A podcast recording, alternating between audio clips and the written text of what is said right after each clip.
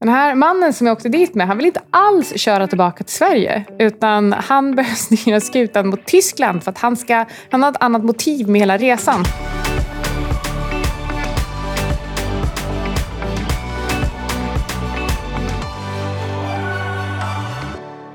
Veckans avsnitt av Outsiders är sponsrat av Fontobel. Fontobel erbjuder ETPer som ger ett effektivt sätt att exponera sig mot olika marknader på upp och nedsidan. Med Fontobels produkter kan du till exempel spekulera i upp och nedgång för hela aktieindex, enskilda aktier, råvaror eller valutor för att nämna några. Men kom ihåg att alla typer av investeringar är förknippade med risk och du kan förlora stora delar eller hela ditt kapital. Så se till så att du gör en bra analys så att du vet vad du håller på med innan du ger dig in i hävstångsvärlden.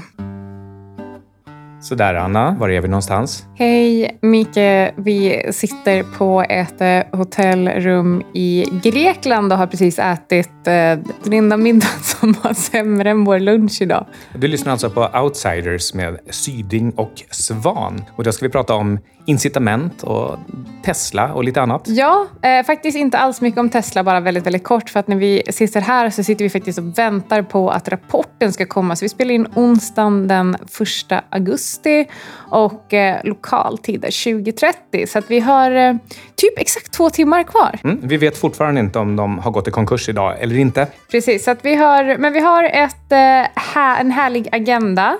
Vi ska snacka lite incitament. Jag ska, har också lovat att jag ska berätta om hur jag nästan blev kidnappad i Oslo när jag var 18. Och eh, ja, men prata om motivation och piska och morot helt enkelt. Mm, vi, det är väl lika bra vi börjar prata. Ja, Okej, okay, så när jag var 18 då precis innan jag skulle ta studenten så åkte jag till Oslo för att jag skulle träffa en eh, fotograf där. För jag har alltid tyckt att det är väldigt kul att fotografera så att jag skulle åka dit med en bekant till min familj för att eh, träffa den här fotografen och så skulle jag gå lärling hos honom efter studenten. Så jättespännande. Så jag åker dit med den här mycket märkliga bekanta till min familj som eh, för övrigt var typ en offentlig men efterlyst person. Men mina föräldrar bara, nej men det är lugnt och så vidare. Han var typ 70 eller lite äldre. När vi kommer dit så får jag träffa den här fotografen, allt är bra, vi pratar och tanken är att jag då ska dit eh, den sommaren. Sen händer något. Den här mannen som jag åkte dit med, han vill inte alls köra tillbaka till Sverige. Utan han börjar styra skutan mot Tyskland för att han, ska, han har ett annat motiv med hela resan. Han skulle göra mig till superstjärna. Jag höll på med musik förr i tiden och sjöng en del. Och då hade han hört mig sjunga med min mamma och då hade han bestämt sig för, för att han har en bakgrund inom musikbranschen, så fick han för sig att han skulle göra mig till superstjärna. Så hans incitament för det här var att han skulle få dig att sjunga i en källare någonstans i eh, Europa? ja, nästan. Men han, han hade en hel del mycket bra kontakter och han förstod och han tyckte egentligen att jag var lite för ung och för dum. Så att när jag hade sagt nej från början så tänkte han att hon vet inte sitt eget bästa. Så ska ta saken i egna händer. Men eh, jag lyckades faktiskt ta mig från Oslo. Så kom jag hem och sen sa jag till mina föräldrar, hur fan kunde ni släppa iväg mig med honom? Och då, och då har vi ju frågat oss i det efterhand. Ah, nej, men han, han är död nu. Och, Vad var deras incitament? Jag vet inte. Alltså just då var det inte så himla roligt, men eh, de, efter det har vi skrattat ganska mycket åt det. Men det var faktiskt, ganska, det var faktiskt rätt obehagligt där i Oslo när jag inte riktigt visste. Kommer jag ta mig hem? Hur ska jag ta mig hem? Vad, vad gör jag? Kommer jag hamna i Tyskland? Vad ska jag göra om jag hamnar i Tyskland? Och, och, och vad händer sen? Ja, nej, men så det var min nästan kidnappad historia från eh, Oslo. Som tur är så blev du inte så imponerad av löftena om att bli superstjärna. Nej, jag har aldrig riktigt velat ut i offentligheten ironiskt nog. Men vi är i Grekland för att åka lite e-surf, eller hur? Mm. Så vi har åkt idag. Det är fruktansvärt bra tryck i när elbrädan. Men eh, det är en historia för framtiden. Men en lite annan rolig grej är att min partner i det här företaget, han berättade om hur eh, ja, men han, han rör sig i lite finare miljöer ibland. Och där hade han träffat en person med Richard Mille-klocka och om det var Ferrari eller Lamborghini. Och eh, de hade lite kontakt och sen ganska plötsligt så eh, gled meddelanden dem emellan iväg till att den här personen sa ja, det börjar gå dåligt nu, liksom, men snart kommer fonden igång och kan du bara låna ut 100 000 så länge? Ja, så vi, bör, vi, vi konstaterade att det här är eh, den övre klassens eh, tiggare. Vi, jag håller inte med om det där. Jag tycker inte man eh, kategorisera människor på det sättet. Men, men eh, jag tycker så här, men det finns absolut ingen anledning någonsin att vare sig försöka imponera på andra med prylar eller bli imponerad med, av andra med fina prylar. Nej, eh, men jag har faktiskt inte kört någon e-surf än. Och eh, det beror på att jag igår när vi väntade på vår skjuts från Aten bestämde mig för att göra lite armhävningar, så jag gjorde armhävningar. Sen skulle jag ta på mig mina klackskor igen och sätta mig i soffan. När jag sätter mig i soffan så trillar jag framlänges över ett gjutjärnsbord och eh, slår sönder min hand. Så den är blå på flera ställen. Och eh, det tyckte Micke var jätteroligt. Men, eh, jag, eh, men vi kan köra igång då. Incitament. Jag läste en tråd i veckan om föräldrar som inte sätter på wifi eh, hemma förrän deras tonåringar hade gått 10 000 steg samma dag. Och vi tyckte att det var jätte, jättebra för att det uppmuntrar till rörelse. Och många föräldrar skrev att barnen mådde mycket bättre, de var gladare, de sov bättre och så vidare. Och det här säger något om hur viktigt det är med incitament. Och vi vill väl kanske också tillägga att det är extremt svårt att prata om barnuppfostran när vi inte har några egna. Men, eh, och frågan är, ska man bestämma över barnen eller ska man lämna dem helt i fred? Men eh, det vi kan eh, alla vara överens om är att för vuxna så fungerar i alla fall belöning som incitament. Mm, och där har vi till exempel vanlig lön, eller vi har för företagsledare. Där finns det ett alldeles utmärkt exempel med optioner. Och till exempel så är Warren Buffett en stor anhängare av just den typen av incitament. Och han säger att det är det mest kraftfulla verktyg vi har för att få människor att göra som vi vill.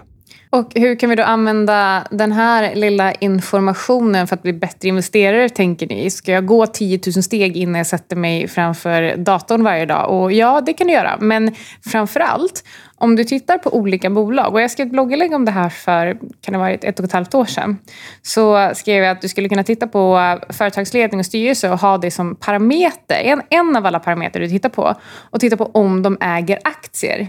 För om de gör det, då har de ett incitament till att bolaget ska gå bra, alltså sköta det på rätt sätt. Så ponera då att du väljer mellan två bolag, vi kan bara låtsas som att bolag X och bolag Y, de har samma datapunkter. Precis samma, förutom en. På ena sidan så äger ledningsstyrelse aktier, optioner och på andra sidan inte alls. Då hade jag definitivt valt det bolag där de faktiskt äger aktier själva. Buffett har ju fördelen att han kan ju faktiskt införa de här programmen så att han kan få företagen att fungera bättre. Men eh, vi småskuttar som står utanför, vi får nöja oss med att bara leta rätt på de bolagen som redan har de här programmen på plats. Men framförallt är det här en väldigt enkel parameter att lägga till i sin analyser. Det, är liksom, det finns på Investor Relations-sidorna för alla, för alla företag som är noterade. Så det är jättelätt att få tillgång till till den här informationen. Så att det är, vad kan det ta? Tre minuter extra att lägga till det i sin analys. Det här är för övrigt inte någonting som vare sig vi eller Buffett har hittat på, utan det finns en person som heter Richard Thaler som är Nobelpristagare i ekonomi och han har funderat över vad som styr människor. Det är också han som ligger bakom de här så kallade nudge units som finns i ett eh, 250-tal olika regeringar och kommuner världen över som eh, syftar till att med belöningssystem få invånarna att göra saker som är bättre för dem själva. Och vad, vad kan det vara för exempel på det? Ja, jag kommer inte på någonting, men, men eh, potentiellt så skulle det kunna vara att om din eh, stegräknare visar 10 000 steg så får du lägre skatt. Ja, kan vi inte införa det i Sverige också? Då skulle jag gå ännu mer. Men eh, sparande då? Hur, hur ska vi kunna motivera oss själva att spara? För som Elin Nelander säger så är sparande det är, eh, det är någonting som hjärnan helst inte gör. För att hjärnan är ganska lat och vi vill ha belöning idag. Vi vill absolut inte lägga, lägga undan pengar till någon, någon version av oss i framtiden som vi inte ens kan relatera till. Så hur ska vi kunna göra det här? Hur ska vi kunna motivera oss själva att faktiskt egentligen ta hand om vår ekonomi bättre idag. Man behöver gamifiera det här långa, tråkiga, händelselösa spararbetet på något sätt. Och det är inte helt självklart vilket sätt som fungerar för dig. Du måste hitta på någonting som gör att i i den liksom dagliga och veckovisa verksamheten så får du de här små dopaminkickarna över vad det är du egentligen håller på med. Och eh, jag, jag har sett att det är några som har... Eh, jag kommer inte ihåg var det var jag läste det, men det var någon som hade infört att om de, hade, om de inte gick till gymmet till exempel så var de tvungna att föra in pengar på sitt fondkonto och sådär. Men det är ju precis tvärt emot, för att då, då kopplar du samman pengar och sparande med bestraffning. Mm, och du behöver göra piskor, tvärtom. Piskor är sällan bra. Precis, att, eh, gör det till en, en morot istället. Det skulle kunna vara, jag vet inte, vi skulle kunna dra tillbaka till barnexemplet då till exempel. Att om ditt barn kommer hem och säger att ja, men jag fick alla rätt på det här provet. Ja, men då kanske man får över en liten summa på deras fondkonto som de sen får använda om de ska köpa bostad i framtiden. Till exempel. Då är det en morot och då kopplas sparande och pengar samman med någonting som är positivt för dig själv i framtiden. Ja, ett eh, annat exempel det har med hundar att göra. Förr i tiden så gick mycket hunduppfostran ut på straff. Man slår en hund som gör fel.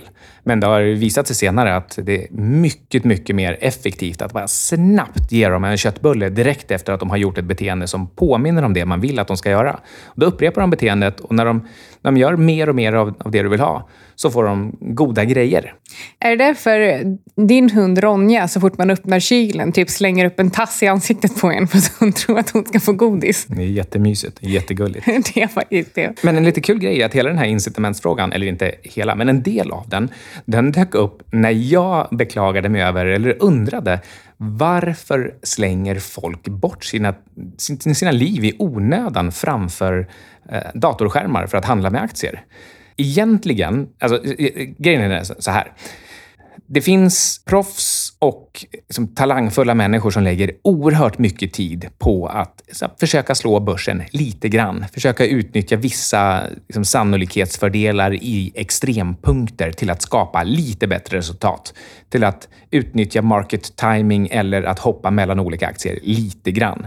Om man är amatör då är det mer eller mindre ett förlorat spel. Det är liksom ingen idé. Det är som att gå in och försöka spela tennis mot Djokovic. Och, och då undrar jag, så här, varför slänger folk bort den här tiden på någonting som, som faktiskt är helt gagnlöst?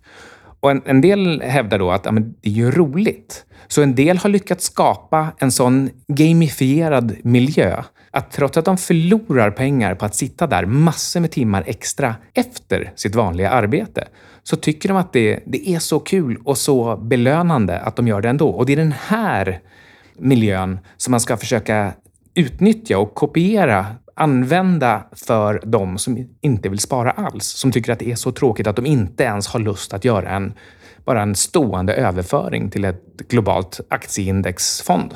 Fast jag, alltså, jag tycker faktiskt att, eh, att du har fel. Ja, de tycker att det är roligt. Många, många människor har ju faktiskt, många småsparare, många investerare har ju faktiskt haft ett ganska gott resultat för att de har valt att fokusera på ett mindre antal enskilda tillgångar istället för fonder som är exponerade mot många fler tillgångar. Ja, du får större riskspridning när du investerar i fonder och du tar högre risk när du väljer enskilda tillgångar själv. Men eh, så här är det också. Den, eh, den belöning de får när de har valt några enskilda tillgångar och det faktiskt har gått bra, det är att de har tjänat mer pengar än mot om de hade valt någonting med större riskspridning, om de har haft tur och har valt rätt. Så där har ju du belöningen, faktiskt. Ja, du menar kanske att just under en håsfas så, ja. så, får man någon slags belöning varje dag för det ser ut som att man har gjort rätt. Ja, det är det jag säger. Men jag tycker också att det spelar egentligen ingen roll det spelar ingen roll varför om resultatet har varit bra. För att huvudsaken är att man faktiskt fortsätter spara. För att det kan faktiskt, den motivationen kanske faktiskt behövs sen när börsen kraschar. Tänk om någon bara har investerat i globala indexfonder och, sen, och därför inte tycker det är så kul med börsen. Och sen när vi väl ser en större recession då kanske de faktiskt väljer att plocka ut pengarna för då är det inte så himla roligt längre. Då, de, då ser de inte alls att det finns någon belöning. Medan någon som faktiskt har lagt mycket tid på det här också någonstans förstår att jag kommer, få, jag kommer få valuta för den här tiden lite senare ändå. Just nu är det jättejobbigt men någonstans vet de också att det här är en del av spelet. Om du förstår vad jag menar? Ja, jag förstår. Egentligen så är jag ju ute efter att man vill skapa ett system där ehm, eh, ja, man inte slösar bort sin tid eller sin viljestyrka. Och, eh, det här är olika från person till person. Det finns ju jättemånga. Jag tror faktiskt att det är väldigt, väldigt få som skulle sitta framför börsen om det var så att de tyckte att de slösade bort sitt liv. Om det inte är professionella förvaltare som du. För du tyckte ju att du satt och slösade bort ditt liv. Det var faktiskt därför du slutade. Ja, det stämmer. Ja, och tänk då alla de som har motivationen nog att efter ett heltidsarbete orka sätta sig och läsa de här rapporterna, titta på börsen, fundera på vad ska jag placera i nu och inte då är det ganska uppenbart att man gör det av någon ren motivationsfaktor för att man tycker att det är roligt. Ja, och, och det, jag tycker att det är jättebra så länge det systemet man har satt upp också sen fungerar i nedgång. Och det är som du säger, för en del så kommer det säkert det vara en förutsättning för att det ska fungera under nedgång. Och för vissa andra så kommer det istället vara själva grundorsaken till att man ger upp i en nedgång. För att man lägger så mycket tid och så tycker man att det ser ut som att man inte får någonting tillbaka. Så, så det är återigen, det finns ju aldrig en enkel modell eller en förklaringsfaktor eller ett system som passar alla. Utan det är som att det liksom alltid bara passar typ hälften. Ja, men så är det ju såklart. Och eh, det här är väl också lite poängen du måste hitta din egen morot och den här är inte samma för alla. Bara för att du har en vän som säger jo men jag tycker att det är superkul att ligga två timmar framför börsen varje kväll så måste inte du tycka det också. Däremot skulle det kunna vara så att du, du har bestämt dig för att du vill förvalta ditt eget kapital och du vill verkligen lära dig. Men fram tills att man har lärt sig någonting så vet alla att det är rätt tråkigt. Det är rätt tråkigt att vara rätt dålig på någonting. Och att ta sig över den här tröskeln, att försöka lära sig, läsa de här böckerna som man kanske inte riktigt förstår så mycket av. Hur, motiver hur motiverar du dig själv själv att göra det här? Vad skulle du säga? Jag tycker åtminstone det viktiga tror jag är att sikta på att muta sig själv snarare än hota sig själv. Vi pratade tidigare om sån här, vad heter det, hedonistisk bundling, någonting sånt. Om att man eh, man tvingar sig att eh, göra någonting tråkigt givet att man får göra någonting roligt samtidigt. Och, eh, eh, det, det, det tror inte jag liksom riktigt funkar i den här situationen. Eller det beror på åt vilket håll man gör det. Det, det, liksom, det ska vara moroten som drar, inte piskan som hotar när du har gjort något fel. Exakt, och för att då koppla tillbaka till det här 10 000 steg innan man sätter på wifi så är det alltså inte så att promenaden är straffet utan det är wifi som är belöningen. För det var många som på Twitter tyckte att men du straffar ju barnen i så fall. Och jag tycker att nej, jag belönar dem med wifi för att de har gjort det bra. Ja, gratis wifi kan ju inte vara någon mänsklig rättighet utan det är någonting fantastiskt som föräldrarna kan erbjuda barnen givet att eh, de, de redan är liksom klara med and, andra saker som, som tillhör familjelivet. Men på min tid, eh, jag fick veckopeng, sju kronor. Och, eh, och det fick jag bland annat för att jag var en, en god familjemedborgare och plockade in och ur diskmaskinen och var med på städdagarna. Precis. Och eh, jag läser just nu boken Behave av eh, Robert Sapolsky och han pratar egentligen om neurologi och biologi bakom ditt beteende, vilket jag älskar. För att jag har lite svårt själv för att acceptera påståenden tagna ur luften. Så att jag tycker att det är väldigt, väldigt fantastiskt när de, frågar, när, de, när de säger att hjärnan är kopplad så här och hormoner som utsöndras så här leder till att ditt beteende blir så här här i den här, den här situationen och den kunskapen kan du använda till det här. Helt fantastiskt. dessutom skriver han på ett väldigt, väldigt roligt sätt. Så fundera på varför du beter dig på ett visst sätt och hur du kan lura kroppen och din hjärna, alltså skapa en morot för att ändra ett beteende och inte en piska. Och eh, Start with why, eller hur? Ja, Start with why tror jag är skriven av Simon Sinek. Det är en eh, mycket inspirerande bok för den som eh, vill hitta vad just eh, hans eller hennes morot skulle kunna vara. Det är, det är ett sätt att... En slags soul-searching-manual som kan, eh, kan få dig att hitta vad är det som är din yttersta drivkraft egentligen och så kan du använda det för att eh, just skapa den här eh, gamifieringen. Och innan vi avslutar så tänkte jag att i och med att vi faktiskt sitter här och väntar på rapporten och verkligen myser lite så tänkte jag, Micke, vad, jag, tror att, jag tror att rapporten kommer vara urusel. Men att de kommer ha lekt lite med siffrorna. Så att jag eh, kan faktiskt tänka mig till och med att eh, och jag hoppas inte att aktien går upp. Eller man får inte hoppas någonting. Eh, jag, jag tror, jag tror att... Jag, för jag har faktiskt ingen aning. Jag tror att rapporten kommer vara fruktansvärd, men jag har ingen aning om hur aktiekursen kommer att, hur aktiekursen kommer att påverkas. Vad tror du? Jag tror att det finns fruktansvärt många som inte har vågat gå emot eh, Trump, höll jag på att säga, Musk, den här gången. Utan, eh, det är därför kursen står så högt. Den står ju liksom nästan i 300 dollar fortfarande. Nästan så högt. Och eh, det här blir sannolikt en, som du säger, då, en riktig katastrofrapport. Eh, frågan är bara då, ja, jag tror, för att inte bara sitta här och vela fram och tillbaka. Jag tror att den, eh, den låga kassabehållningen, den eh, förvånansvärt låga försäljningen. En del trots allt kritiska frågor som kommer komma fram angående leveranser, produktkvalitet, hur de ska finansiera kommande fabriker. Jag tror att eh, det är inte det här kvartalet som knäcker eh, Tesla, men eh, jag tror att den eh, kommer gå ner ordentligt. Ehm, vad är ordentligt? Ja, 10-15 procent på en vecka. När måste, när måste Elon Musk sälja sina aktier? Jag tror att det är någonstans kring 250 eller 260 som det spekuleras i att där har han nått i, slagit i eh, belåningstaket. Ja, det blir eh, spännande att se och ni har ju faktiskt facit när ni lyssnar på det här. Så om, eh, om vi har några Tesla-ägare i, som lyssnare och kursen står i 400 på grund av en fantastisk rapport så vill jag bara gratulera. Och eh, oavsett vad så vill vi faktiskt tacka Alexander Marton som... Hurra Alex!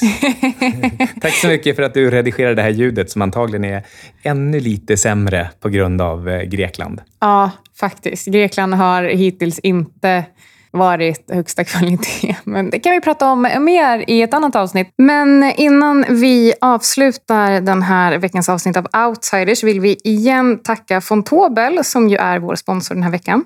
Och eh, vi nämnde ju tidigare att man bland annat kan exponera sig mot eh, enskilda aktier. Och Tesla köpte ju sin rapport igår. Och för den som spekulerar på rapport så finns det certifikat med möjlighet att gå lång eller kort Tesla. Men är alla investeringar eh, riskfria, Micke? Nej, alla investeringar är förknippade med risk. De kan gå upp och ner. Och du kan förlora stora delar eller hela ditt kapital. Så ska man ta det försiktigt? Ja. Tack så mycket för att ni har lyssnat. Nu ska vi återgå till vårt eh, balkonghäng, bokskrivande och eh, bokläsande. Outsiders. Tönt. Outsider oss, säger de här nere.